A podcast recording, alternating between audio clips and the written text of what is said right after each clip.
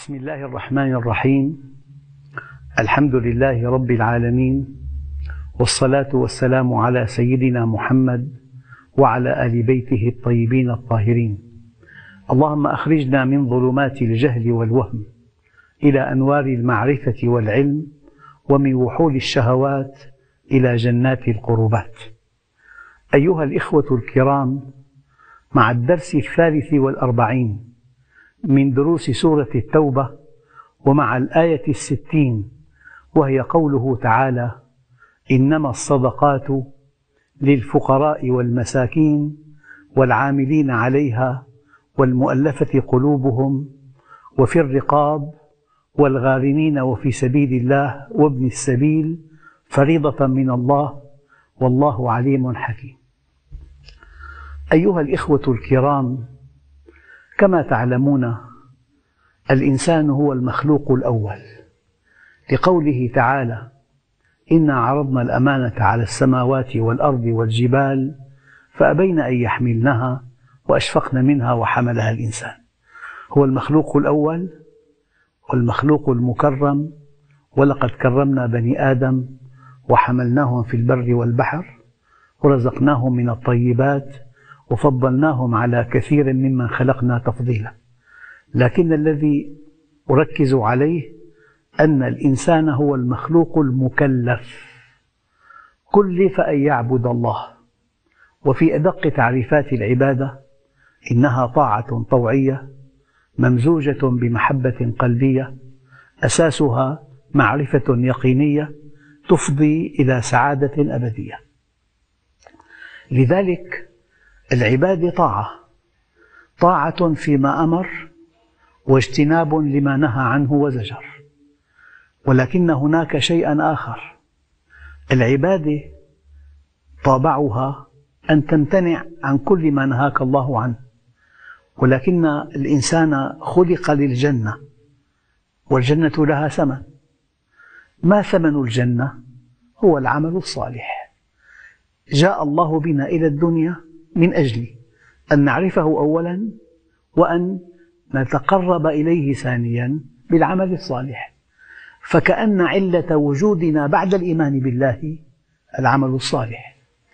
ولو وضحت هذا بمثل أن أبا أرسل ابنه إلى باريس لينال الدكتوراه.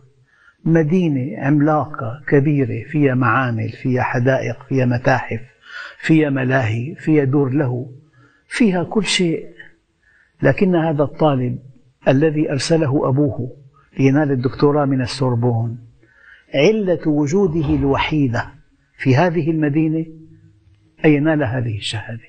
فلذلك الإنسان حينما يعلم علة وجوده تصح حركته. يعني أوضح مثل إنسان سافر إلى بلد معين وسأل إلى أين أذهب؟ نحن نعجب من سؤاله. نقول له لماذا جئت إلى هنا؟ إن جئت طالب علم اذهب إلى الجامعات وإن جئت سائحا اذهب إلى المتنزهات وإن جئت تاجرا اذهب إلى المعامل والمؤسسات فالحركة في أي مكان لا تصح إلا إذا عرف سبب المجيء فأحد أكبر علائم الإيمان أحد أكبر مرتكزات الإيمان أحد أكبر الخصائص الإيمانية أن تعرف سر وجودك في الأرض. أنت في الأرض من أجل أن تعبد الله. إما أن تكتشف هذا بالبحث والدرس والتأمل أو أن تعرفه من النص. حينما قال الله عز وجل وما خلقت الجن والإنس إلا ليعبدون فكأن العبادة معرفة أولا وطاعة ثانيا. معرفة وطاعة. فأنت لن تخضع لجهة لا تعرفها. لا بد من أن تعرف الله. والإمام علي رضي الله عنه يقول أصل الدين معرفته. السبب أنك إذا عرفت الآمر ثم عرفت الأمر تفانيت في طاعة الآمر. أما إذا عرفت الأمر ولم تعرف الآمر تفننت في التفلت من الأمر. وهذا حال بعض المسلمين. الآمر لم يجهد, لم يجهد نفسه لمعرفته. لكن بين يديه الأوامر درسها في التعليم الإعدادي والثانوي والجامعة في أمر في نهي في حرام في حلال. هذه الأوامر بين يديه. لكن الآمر ما عرفه فلذلك انصياعه لهذه الأوامر ضعيف. وهذا يفسر ضعف حال المسلمين في مشارق الأرض ومغاربها. فلذلك الله عز وجل خلقنا كي نعرفه. لكن في شيء آخر خلقنا أيضا من أجل أن نتقرب إليه. وهذا التقرب إلى الله يقوم على شقين على شق الاستقامة وعلى شق العمل الصالح. الاستقامة ترك. يقول لك المستقيم أنا ما أكلت مال حرام. ترك. أنا ما اغتبت أنا لم أفعل المعاصي. لم لم ما لم. الاستقامة طابعها سلبي. تركت. لكن لا يكفي أن تمتنع عن المعاصي والآثام. هذا الواحد الديان الذات الكاملة ينبغي أن تتقرب إليها. فإذا كان طابع الاستقامة الترك والامتناع فطابع العمل الصالح البذل والعطاء. فحجم الإنسان عند الله بحجم عمله الصالح. فرق كبير بين أن تعمل صالحا صدفة عرض عليك عمل فعملته وبين أن تستيقظ صباحا وهمك الأول العمل الصالح. ورد في بعض الآثار النبوية من أصبح وأكبر همه الدنيا جعل الله فخره بين عينيه وشتت عليه شمله ولم يؤته من الدنيا إلا ما قدر له. ومن أصبح وأكبر همه الآخرة. جعل الله غناه في قلبه وجمع عليه شمله وأتته الدنيا وهي راغمة. يعني للتقريب أيضا. طالب حينما يلتحق بجامعة ويعلق آمالا كبيرة على النجاح في نهاية المطاف في هذه الجامعة. يتصور أنه له مستقبل كبير بزوجة ببيت بمكانة اجتماعية بدخل كبير. فإذا علق أهمية كبيرة على هذه الجامعة ينصرف إليها بكل طاقاته بكل شؤونه بكل اهتماماته. فالإنسان إذا عرف أنه في الدنيا من أجل العمل الصالح وفي دليل قوي جدا وقاطع أن الإنسان حينما يأتيه ملك الموت يقول هذه القولة الشهيرة رب ارجعوني لعلي أعمل صالحا. فمعناها يندم الإنسان عند الموت على سبب وجوده في الدنيا هو العمل الصالح. فإذا ركز المؤمن هل هذه الحقيقة فإذا أصبح بحث عن عمل صالح وإذا أمسى بحث عن عمل صالح سبحان الله الأعمال الصالحة متنوعة جدا. حتى إن بعضهم قال الطرائق إلى الخالق بعدد أنفاس الخلائق. وأنت في البيت إذا كنت زوجا صالحا فهذا عمل صالح. وإذا كنت أبا صالحا فهذا عمل صالح. وإذا كنت ابنا صالحا فهذا عمل صالح. وإذا اعتنيت بأولادك فهذا عمل صالح في البيت في الطريق. غض البصر عمل صالح. الأمر في المعروف الأمر بالمعروف والنهي عن المنكر عمل صالح. دخلت إلى محلك التجاري ما دمت صادقا. التاجر الصدوق مع النبيين ما دمت صادقا. تبيع بضاعة جيدة بسعر معتدل. آه، تحسن لمن حولك. هذا عمل صالح. فكأن الله عز وجل جعل العمل الصالح يدور معك حيثما ذهبت في أي مكان في عمل صالح. أحيانا الأمر بالمعروف عمل صالح كبير. النهي عن المنكر عمل صالح. غض البصر عمل صالح. النصيحة عمل صالح. الدعوة إلى الله عمل صالح. لذلك ما معنى عمل صالح؟ يعني هذا العمل يصلح للعرض على الله. يصلح للعرض على الله بنيته وبموافقته للمنهج. بالمناسبة العمل الصالح له شرطان أساسيان. استنبطه بعض المفسرين من قوله تعالى وأن أعمل صالحا ترضاه متى يرضى الله عن العمل؟ قال إذا كان خالصا وصوابا خالصا ما ابتغي به وجه الله وحده. الإخلاص. وصوابا ما وافق السنة. فالعمل الذي يشم منه أنه مخلص لكن ما في موافقة للسنة لا يقبل. لك يا نصيب خيري. هي مخالفة للسنة مثلا. يقول لك حفل غنائي يرصد ريعه للأيتام مثلا. العمل الصالح ينبغي أن يكون خالصا وصوابا. خالصا ما ابتغي به وجه الله وصوابا ما وافق السنة. هذا معنى قوله تعالى وأن أعمل صالحا ترضى فالانضباط وفق المنهج والإخلاص في النية.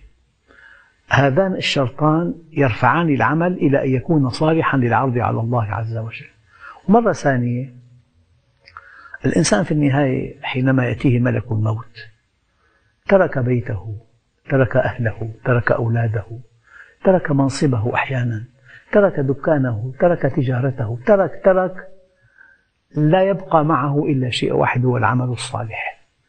فهذا العمل يدفن مع الإنسان وهو حي العمل حي والإنسان يدفن معه وهو ميت. فإن كان كريما أكرمه وإن كان لئيما أسلمه. هذه المقدمة من أجل هذه الآية. حينما قال الله عز وجل إنما الصدقات للفقراء والمساكين والعاملين عليها والمؤلفة قلوبهم وفي الرقاب والغارمين وفي سبيل الله وابن السبيل فريضة من الله والله عليم حكيم. إخوتنا الكرام كلمة إنما عند علماء النحو أداة قصر وحصر. يعني إذا قلت إنما شوقي شاعر يعني شوقي شاعر فقط ليس كاتب مسرحية وليس أديبا وليس كاتب قصة وليس تاجرا إنما شوقي شاعر. يعني إنما ما بعدها مقصور على شيء معين.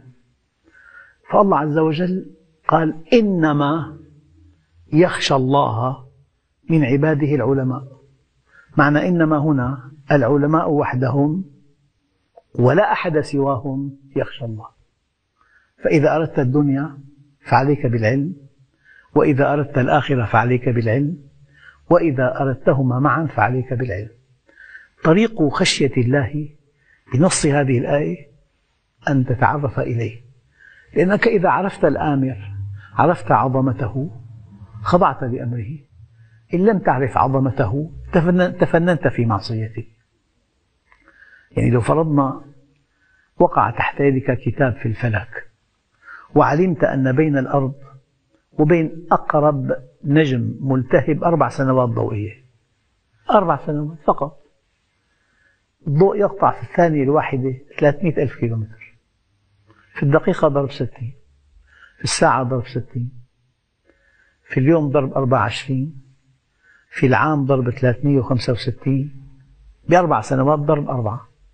ابنك الصغير خلال دقائق على آلة حاسبة يحسب لك المسافة بين الأرض وبين أقرب نجم ملتهب. أربع سنوات ضوئية. قال هذه المسافة لو أردت أن تقطعها بمركبة أرضية لاحتجت إلى خمسين مليون عام. خمسين مليون عام كي تقطع أقرب مسافة بين الأرض وبين أقرب نجم ملتهب لها.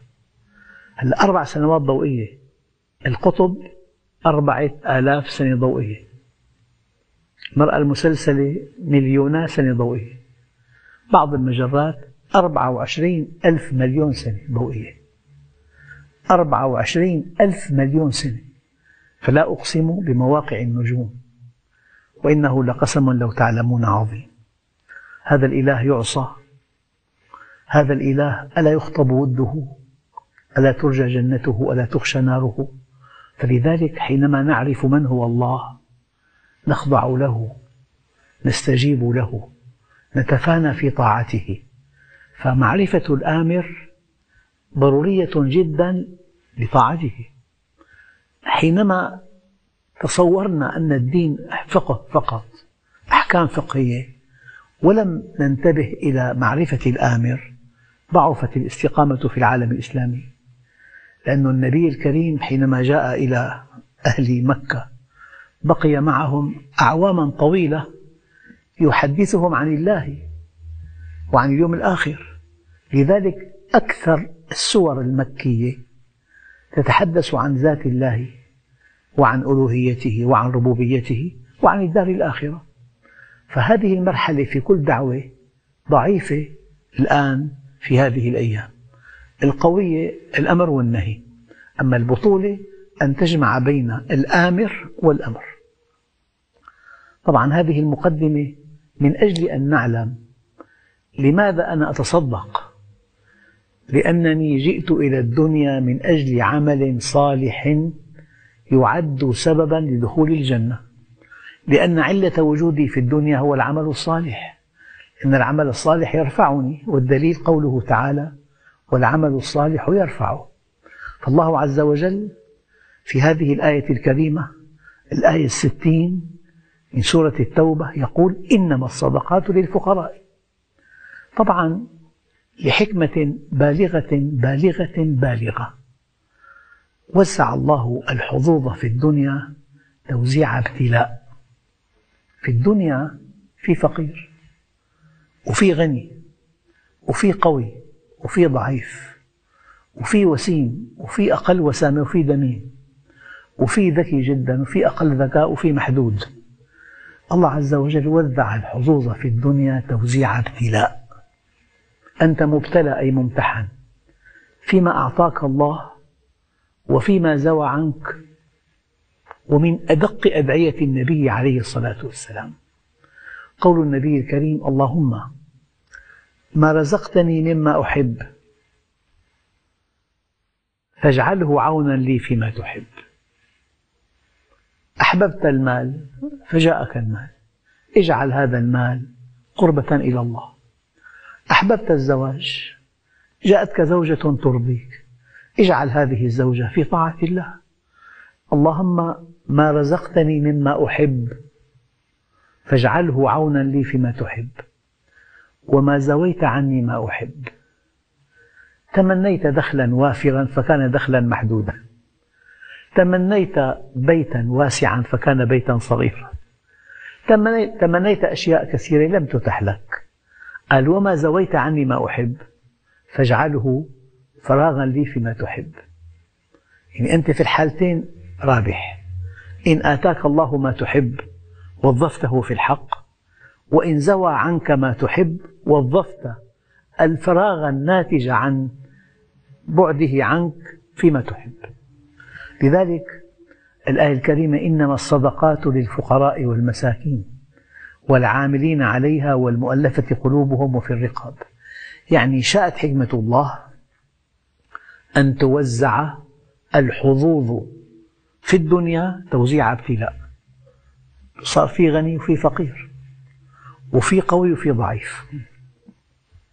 الغني يتقرب إلى الله إذا أعطى من ماله للفقير والفقير يقبل على الله حينما يرى هذا الشرع لم ينسه. يعني الفقير جعل الله له حقا في مال الغني. فالفقير يتقرب والغني يتقرب والمحسن يتقرب والذي أحسن إليه يتقرب. وهذا وهذا شأن الحياة الدنيا. كل إنسان له حظ من الله في الدنيا. في حظ توافر له وحظ زوي عنه. والإنسان ممتحن فيما توافر له من حظوظ وفيما زوي عنه من حظوظ. أنت ممتحن دائما. ممتحن فيما لك ممتحن فيما عليك. ممتحن فيما أعطاك ممتحن فيما زوي عنك. ممتحن في الرخاء ممتحن في الشدة ممتحن في الصحة ممتحن في المرض. ممتحن في الغنى ممتحن في الفقر. علة وجودنا في الدنيا أنها دار ابتلاء. والخطاب النبوي اللطيف إن هذه الدنيا دار ابتلاء دار التواء لا دار استواء ومنزل ترح لا منزل فرح فمن عرفها لم يفرح لرخاء ولم يحزن لشقاء قد جعلها الله دار بلوى وجعل الآخرة دار عقبى فجعل بلاء الدنيا لعطاء الآخرة سببا وجعل عطاء الآخرة من بلوى الدنيا عوضا فيأخذ ليعطي ويبتلي ليجزي فالصدقات هذا المال الذي أمرك الله أن تنفقه. يعني هي الزكاة. لكن بعض العلماء تساءلوا لماذا سميت الزكاة صدقة؟ قال الزكاة سميت عند الله صدقة لأنها تشف عن صدق الإنسان في طاعة الله. في طاعات لا تقدم ولا تؤخر. يعني أنت حينما تتجه إلى القبلة أمر تعبدي لكن ما كلفك شيء. كلفك أن تعرف القبلة فقط. هناك عبادات كثيرة ما لك حظ منها إطلاقا إلا أن الإنفاق إنفاق المال مال محبب. المال شيء ثمين والدليل محبب. زين للناس حب الشهوات من النساء والبنين. والقناطير المقنطرة من الذهب والفضة. لولا أن الله أودع فينا حب المال لما كان للصدقة من معنى إطلاقا. تعطي شيء نفيس. واحد معه مبلغ ألف مليون. هذا لو أنفقه على مصالحه وعلى شهواته لتمتع به كثيرا. فإذا أنفقه في طاعة الله لارتقى عند الله كثيرا. فالمال مر سيدنا عمر فيما تروي بعض الأقوال أمسك تفاحة وقال أكلتها ذهبت أطعمتها بقيت. حتى إن النبي الكريم عليه أتم الصلاة والتسليم حينما ذبح شاة ووزعها على الفقراء والمساكين وبقي منها كتفها. فقالت يا رسول الله ذهبت كلها إلا كتفها. فقال قولة رائعة قال بل بقيت كلها إلا كتفها. الذي استهلكته ذهب الذي أنفقته بقي. فلذلك الله عز وجل جاء بنا إلى الدنيا من أجل أن نعرفه أولا وأن نتقرب إليه ثانيا بالعمل الصالح. وفي هذه الآية تتحدث عن بعض الأعمال الصالحة. إنما الصدقات للفقراء. هناك جدل طويل حول تعريف الفقير والمسكين. بعضهم يقول الفقير هو الذي لا يجد شيئا والمسكين ينقصه أشياء كثيرة. يعني إما أن تفتقد كل شيء فأنت فقير أو أن أو أن تملك شيء لكن لا يكفي فأنت مسكين. وفي علماء عكسوا التعريفين. على كل في فقير وفي مسكين. بس في ملاحظة في القرآن دقيقة. هاتان الكلمتان إذا افترقتا اختلفتا فإذا انفردتا اجتمعتا. يعني إذا الله قال فقراء يعني فقراء ومساكين. وإذا قال مساكين يعني فقراء ومساكين. أما إذا قال فقراء ومساكين اختلف الوضع الفقير الذي لا يجد شيئا في بيته. مسكين يجد لكن غير كافي. لكن طبعا آه، الزكاة تعطى لكليهما. يعني إنسان ساكن ببيت والبيت ملكه وعنده خمسة أولاد وعنده زوجة ودخله محدود لا يكفي. لأنه عنده بيت ما بتعطيه شيء لا الذي لا يجد حاجته يستحق الزكاة. لأنه الزكاة ينبغي أن تجعله يعيش عيشة كريمة. حتى إن بعض الأئمة الفقهاء قال ينبغي أن ينبغي أن تغنيه بالزكاة عاما. وفي رأي آخر وأنا مع الرأي الآخر ينبغي أن تغنيه طوال حياته. هيئ له عملا يعني. اشتري له دكانا. اشتري له شيء آلة آلة حبكة مثلا. أمن له شيء يعيش منه طوال حياته. الزكاة ينبغي أن تغني الإنسان. أما مبلغ محدود جدا لا يقدم ولا يؤخر ما بكفي النبي يعني كان إذا أعطى أعطى شيء كافي. إذا إنما الصدقات للفقراء والمساكين. الفقير الذي لا يجد حاجته إطلاقا والمسكين عنده شيء لكن غير كافي. على كل يعني الإنسان حينما يجتهد له أجره عند الله عز وجل. ولو أخطأ. من اجتهد فأصاب فله أجران. من اجتهد فأخطأ فله أجر. أجر من أجرين. إنما الصدقات للفقراء والمساكين. لأن هذه الصدقة تمتن العلاقات الاجتماعية. يعني عفوا أحيانا الغني البخيل حوله أعداء. حوله أعداء لأنه يرون بذخه وإنفاقه وترفه هم فقراء. يعطيهم أجر محدود جدا. أما إذا كان هذا الغني كريما ومنح من حوله عطاءات آه، تحقق لهم كرامتهم الإنسانية أصبح من حوله حراسا له. وفرق كبير جدا بين أن يكون من حولك يتربصون بك ويحسدونك. وبين أن يكون من حولك حراسا لك. فالغني إذا فعل المعروف لذلك الآية دقيقة جدا جدا. خذ من أموالهم صدقة تطهرهم وتزكيهم بها. معنى تطهرهم أي أن هذا المال الذي دفع كصدقة أو زكاة يطهر الغني من الشح. يطهر الغني من الشح ويطهر الفقير من الحقد ويطهر المال من تعلق حق الغير به. المال متى يكون حلالا؟ إذا أديت زكاته. متى يكون حراما؟ وعبئا عليك إذا لم تؤد زكاته. فالزكاة تطهر المال من تعلق حق الغير به. والدليل وفي أموالهم حق حق إذا الله قال حق معلوم الزكاة. معلوم. تحتاج إلى حسابات وإلى جرد. أما الصدقة حق للسائل والمحروم. إذا أضيفت كلمة معلوم الزكاة. يعني لا بد من حسابات. أن تعطي مبلغا بحسب تقدير غير صحيح. هذه ليست زكاة. الزكاة في جرد للمحل والبضاعة والنقد. وما لك وما عليك بعد ذلك تحسب قيمة الزكاة تدفعها. أما الصدقة لا تحتاج إلى هذه الدراسة. لكن يعني دائما أنا أشبه الزكاة بالضريبة. لا بد من دفعها ولا أجر لك بها. فرض على المواطن الضريبة أما لو قدم مبلغ ضخم لإنشاء ثانوية قدمها للدولة. يستحق حفل تكريم. وشكر وثناء لأنه قدم شيء فوق ما طلب منه.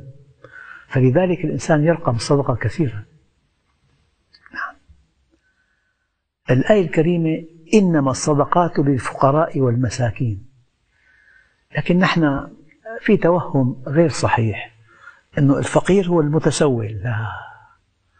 الفقير إنسان يسكن ببيت متزوج يرتدي ثياب أنيقة لكن دخله لا يكفي.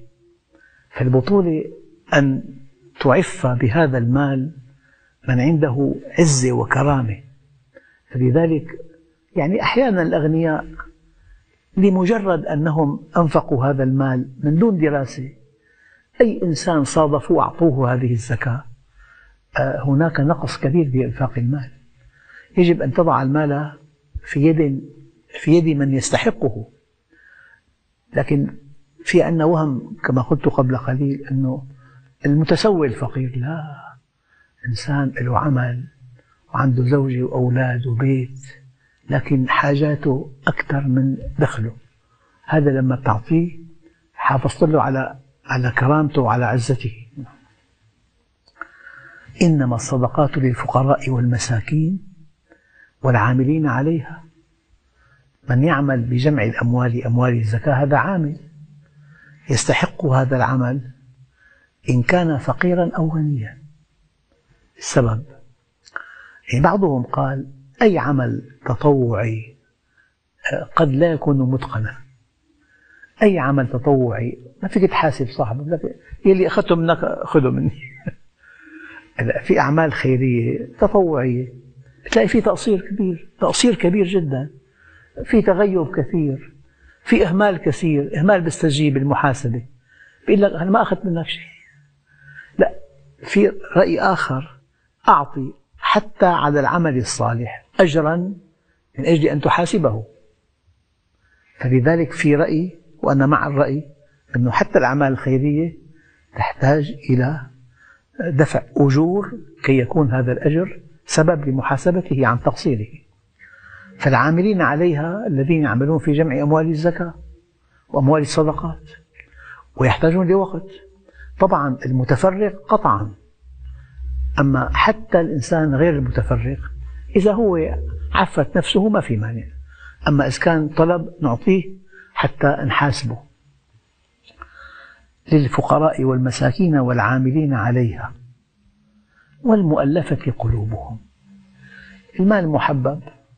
لأن الله عز وجل قال زين للناس حب الشهوات من النساء والبنين والقناطير المقنطرة من الذهب والفضة. فأنت حينما تعطي إنسان مبلغ من المال هو بحاجة إليه وقد يكون بحاجة إليه لبعض حاجاته الثانوية. على كل هذا المال ألفت به قلبه. يا داود ذكر عبادي بإحساني إليهم. فإن النفوس جبلت على حب من أحسن إليها وبغض من أساء إليها. بالبر يستعبد الحر. وحينما يعني أنا أقول دائما الإحسان قبل البيان. إذا كنت داعية أحسن. إنك بإحسانك تفتح قلب المستمع لبيانك. تفتح قلب المستمع بإحسانك ليفتح لك عقله لبيانك. مرة ثانية تفتح بإحسانك قلب المحسن إليه بإحسانك وعندئذ يفتح لك هذا المحسن إليه عقله لبيانك. فالإحسان قبل البيان. للفقراء والمساكين والعاملين عليها.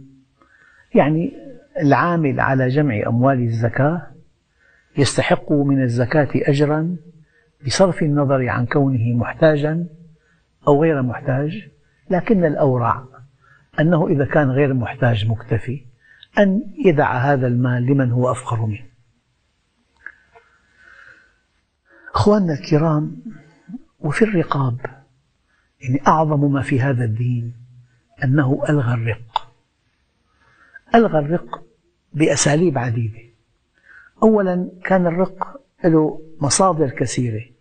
فأي إنسان عليه دين ما أمكنه أن يؤديه. يؤخذ أحد أولاده عبدا صار عبد بسبب الدين. وأي إنسان يعني في عليه عقوبة جنائية ما وقعت عليه إلا أن يجعل رقيقا. فالإسلام ألغى ألغى المصادر للرق إلا مصدر واحد. كل مصادر الرق التي كانت سائدة في العصر الجاهلي ألغيت في الإسلام. إلا مصدر واحد أنك إذا أردت أن تنشر هذا الدين أن تنشر هذا الدين وحاربت أناس منعوا أن توصل دعوتك إلى من عند من حوله. منعوا أن توصل دعوتك السماوية إلى من حولهم فإذا أنت حاربتهم من أجل أن توصل هذه الرسالة إلى شعوبهم. لكنك إذا حاربتهم وأسرتهم الأسر هدف منه أن القتل ليس هدفا إطلاقا. هذا الأسير عطل عقله عن فهم هذا الدين. عطل عقله تعطيل كامل. فأنت إذا أخذته إلى بيتك ورأى رحمتك رأى إنصافك أحب الدين. هناك دعوتان. دعوة كلامية بيانية ودعوة معاملة وإحسان. فالذي استعصى عقله عن فهم هذا الدين قلبه مؤهل أن يحب هؤلاء المسلمين بمعاملتهم. لذلك من ألطف ما قرأت في سير الصحابة أنهم كانوا يأكلون أردأ الطعام ويطعمون أسراهم أطيب الطعام. هذا الأسير في الأصل التطبيق موضوع ثاني. الأصل هذا الأسير أردت أن تقنعه بالدين لا بالكلام والأدلة والبراهين والحجج. أردت أن تقنعه بهذا الدين بالمعاملة الطيبة. والإنسان عبد الإحسان. فالذي لم يؤمن بعقله ولم يحكم عقله فيما بلغه من أدلة فأخذ إلى بيت مؤمن عامله معاملة طيبة جدا. أطعمه مما يأكل ألبسه مما يلبس ما كلفه ما لا يطيق أعانه فيما كلفه. صار مثل ابنه يعني كابنه تماما. فلذلك معظم الأسرى الذين كانوا عند الصحابة آمنوا وانضموا إلى المؤمنين فإن أسلموا فقد اهتدوا. وإن أسلموا فهم منكم وأنتم منهم. يعني بالإسلام تفرقة ما في لكن هي طريقة بدل قتل قتل الأسير بدل حرب الإبادة. نحن حرب هداية ما عندنا حرب إبادة. فهذا الذي وقع أسيرا يعامل أطيب معاملة كي يقتنع بالإسلام لا بعقله بل بقلبه. هذا هو الذي أراده النبي الكريم في موضوع ملك اليمين. نعم. الله عز وجل يقول إنما الصدقات للفقراء والمساكين والعاملين عليها والمؤلفة قلوبهم بالإحسان. وفي الرقاب هذا لعتق العبيد. الإسلام أنهى الرق عن طريق هذه الآية وعن طريق جعل المغفرة من بعض الذنوب ودية دية القاتل تكون بعتق العبيد. فجعل مصارف جعل مصارف العبودية كثيرة. نعم. والغارمين وفي سبيل الله. الغارم الذي استدان بشكل شرعي مو لمعصية أيام إنسان ذو الفسقة والفجار يقترضون من أجل معاصيهم أما إنسان اشترى بيت وما تمكن أن يسد هذا القرض وهذا شيء رائع. كأن الشرع حض الناس على الإقراض يعني في طبقة في المجتمع لا تقبل الصدقة. يعني عنده عزة وكرامة لا تقبل يكون متصدق عليه. هذا الإنسان يقبل قرض فكأن الإسلام حض على القرض الحسن وفي بعض الروايات أنه يعادل نصف الصدقة. إذا إنسان أقرض إنسان مئة ألف كأنه دفع خمسين ألف صدقة. بهذه الطريقة لكن ما الذي يؤكد أن هذه القرض أراده الله فجعل أحد مصارف الزكاة أن يؤدى هذا الدين ممن استدان ولم يتمكن من سداد الدين. نعم. والغارمين وفي سبيل الله هي دقيقة جدا. يعني بعض العلماء السابقين فهموها الجهاد فقط.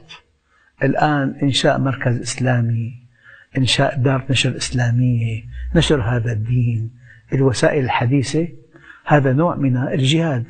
فلذلك وفي سبيل الله الفتوى حديثة وأنا معها. يعني أن أن تقصر في سبيل الله على جهة واحدة وهي قتال في أيام في ظرف معين ما في إمكان للقتال بس في إمكان نشر الدعوة بأساليب متنوعة. وفي سبيل الله وابن السبيل هذا الذي انقطع هو له بيت في بلده.